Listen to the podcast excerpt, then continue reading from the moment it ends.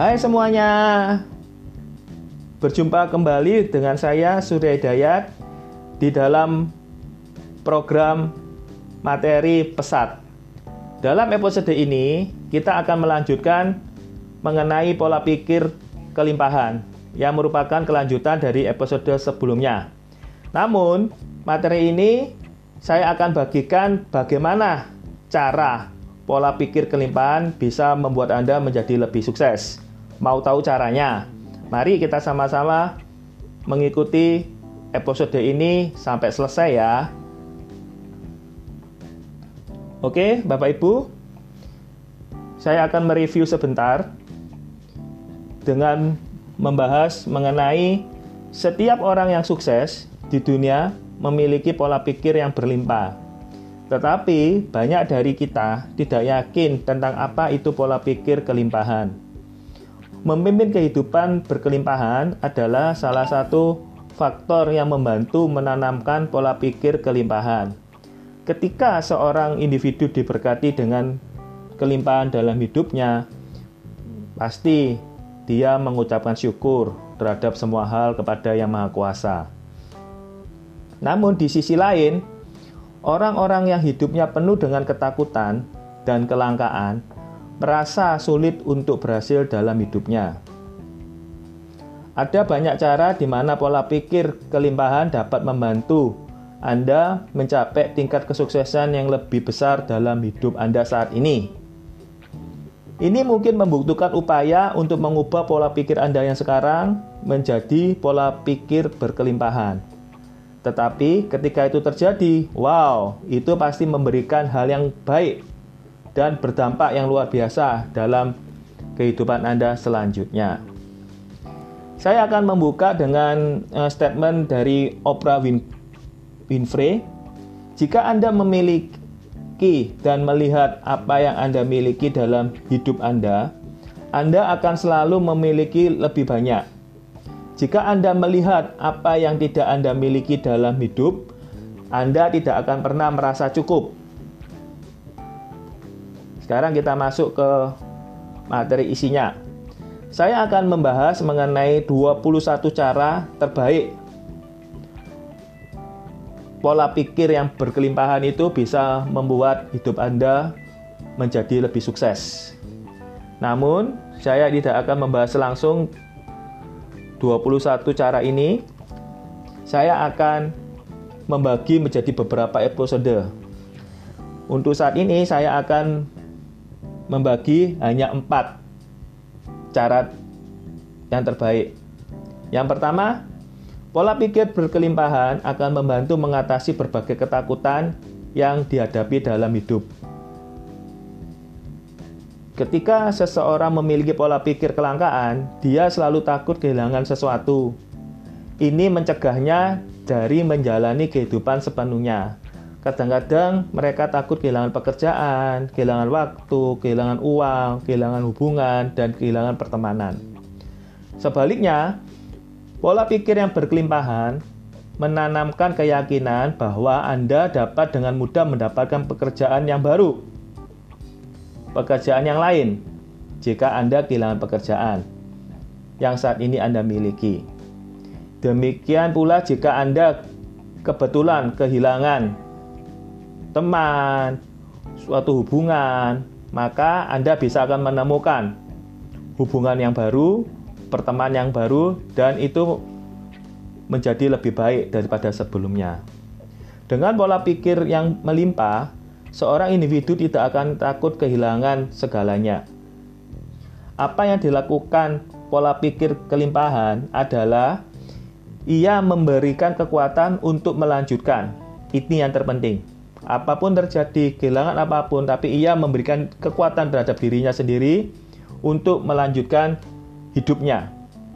Jika seseorang mengetahui bahwa segala sesuatu tidak berjalan sesuai keinginannya, maka ia akan mencari tahu skenario terburuk yang terburuk yang bisa terjadi dalam hidupnya. Kemudian, Seseorang itu akan mempersiapkan diri untuk skenario terburuk itu dan mengakui bahwa inilah saatnya untuk melanjutkan. Untuk selanjutnya, penting dalam hidup untuk tidak mengatakan tidak, tidak terdapat tantangan baru.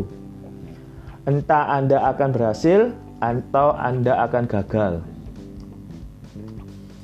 Jika Anda berhasil, itu akan memberikan inspirasi dan kekuatan bagi Anda untuk terus mengambil resiko dalam hidup.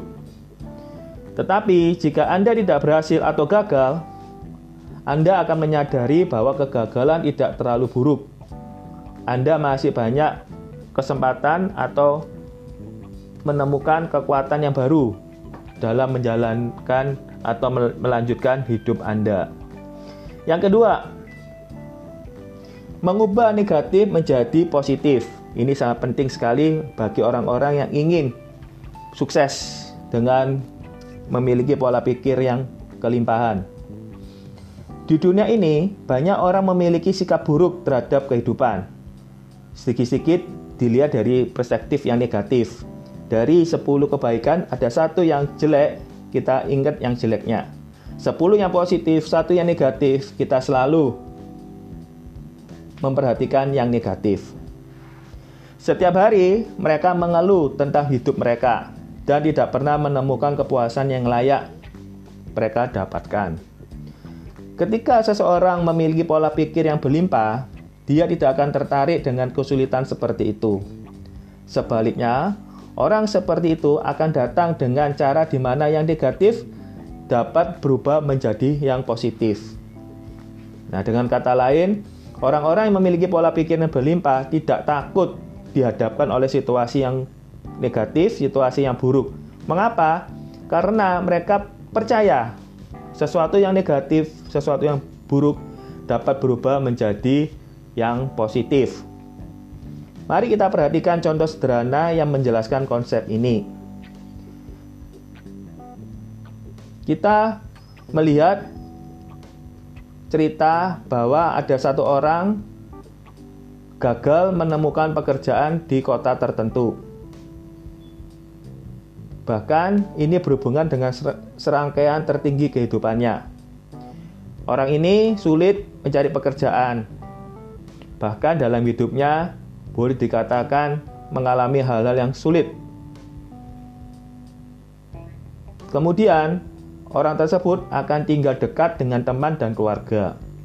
Mungkin dia sedikit terobati dengan kegembiraan dan bisa bertahan hidup lebih lama dan mungkin bisa memberikan semangat dalam jiwa orang itu.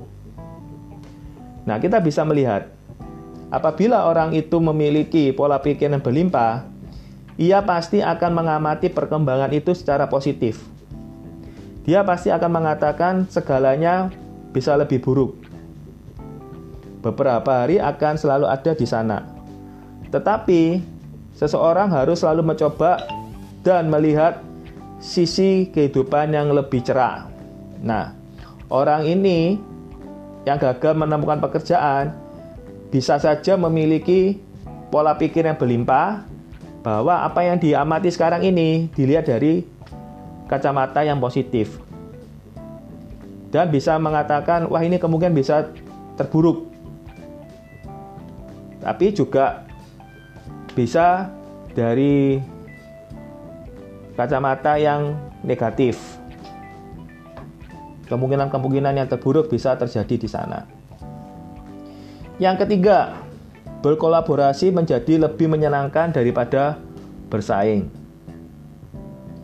Ketika seseorang memiliki pola pikir kelangkaan, ia cenderung memegang erat-erat ide-ide dirinya sendiri, tidak boleh diketahui oleh orang lain. Apabila diketahui orang lain, maka orang tersebut akan berpikiran orang ini akan mencuri ide-idenya. Dan selanjutnya tidak akan dianggap ide tersebut tidak berguna. Orang seperti itu khawatir tentang ide tersebut atau menunjukkan kepada dunia. Dia tidak ingin orang lain mengenalnya seperti dia untuk menghindari persaingan. Tetapi tidak selalu merupakan ide bagus untuk membagikan ide seseorang dengan orang lain. Tetapi kebanyakan kasus itu seseorang harus memilih untuk berkolaborasi daripada bersaing. Ini memunculkan gagasan bahwa orang lain, dunia, organisasi, setiap individu memiliki peluang yang sama untuk berhasil. Ketika Anda membagikan ide Anda kepada orang lain, kecil kemungkinan seseorang akan ingin mencuri. Justru mereka akan bekerja sama dengan Anda mewujudkan ide yang menghidupkan dan mengembangkan ide tersebut. Yang terakhir, yang keempat, menginduksi kedermawanan dalam diri seseorang. Pola pikir kelimpahan kemungkinan akan menghasilkan lebih banyak kedermawanan dalam diri sendiri. Mengapa? Karena orang-orang yang berpikiran pola pikir seperti itu adalah positif dalam kehidupan. Mereka rela berpisah dengan teman. Mereka rela kehilangan uang karena mereka tahu pada akhirnya mereka akan menemukan uang itu kembali dan mendapatkan teman-teman yang lebih baik lagi. Kualitas ini tidak hadir pada orang dengan pola pikir kelangkaan. Mereka akan khawatir apabila mereka harus kehilangan teman, kehilangan uang, kehilangan waktu, dan akan merasa bahwa mereka membutuhkan uang, teman, waktu untuk diri mereka sendiri. Pola pikir kelangkaan adalah salah satu penyebab utama perilaku seseorang itu menjadi egois.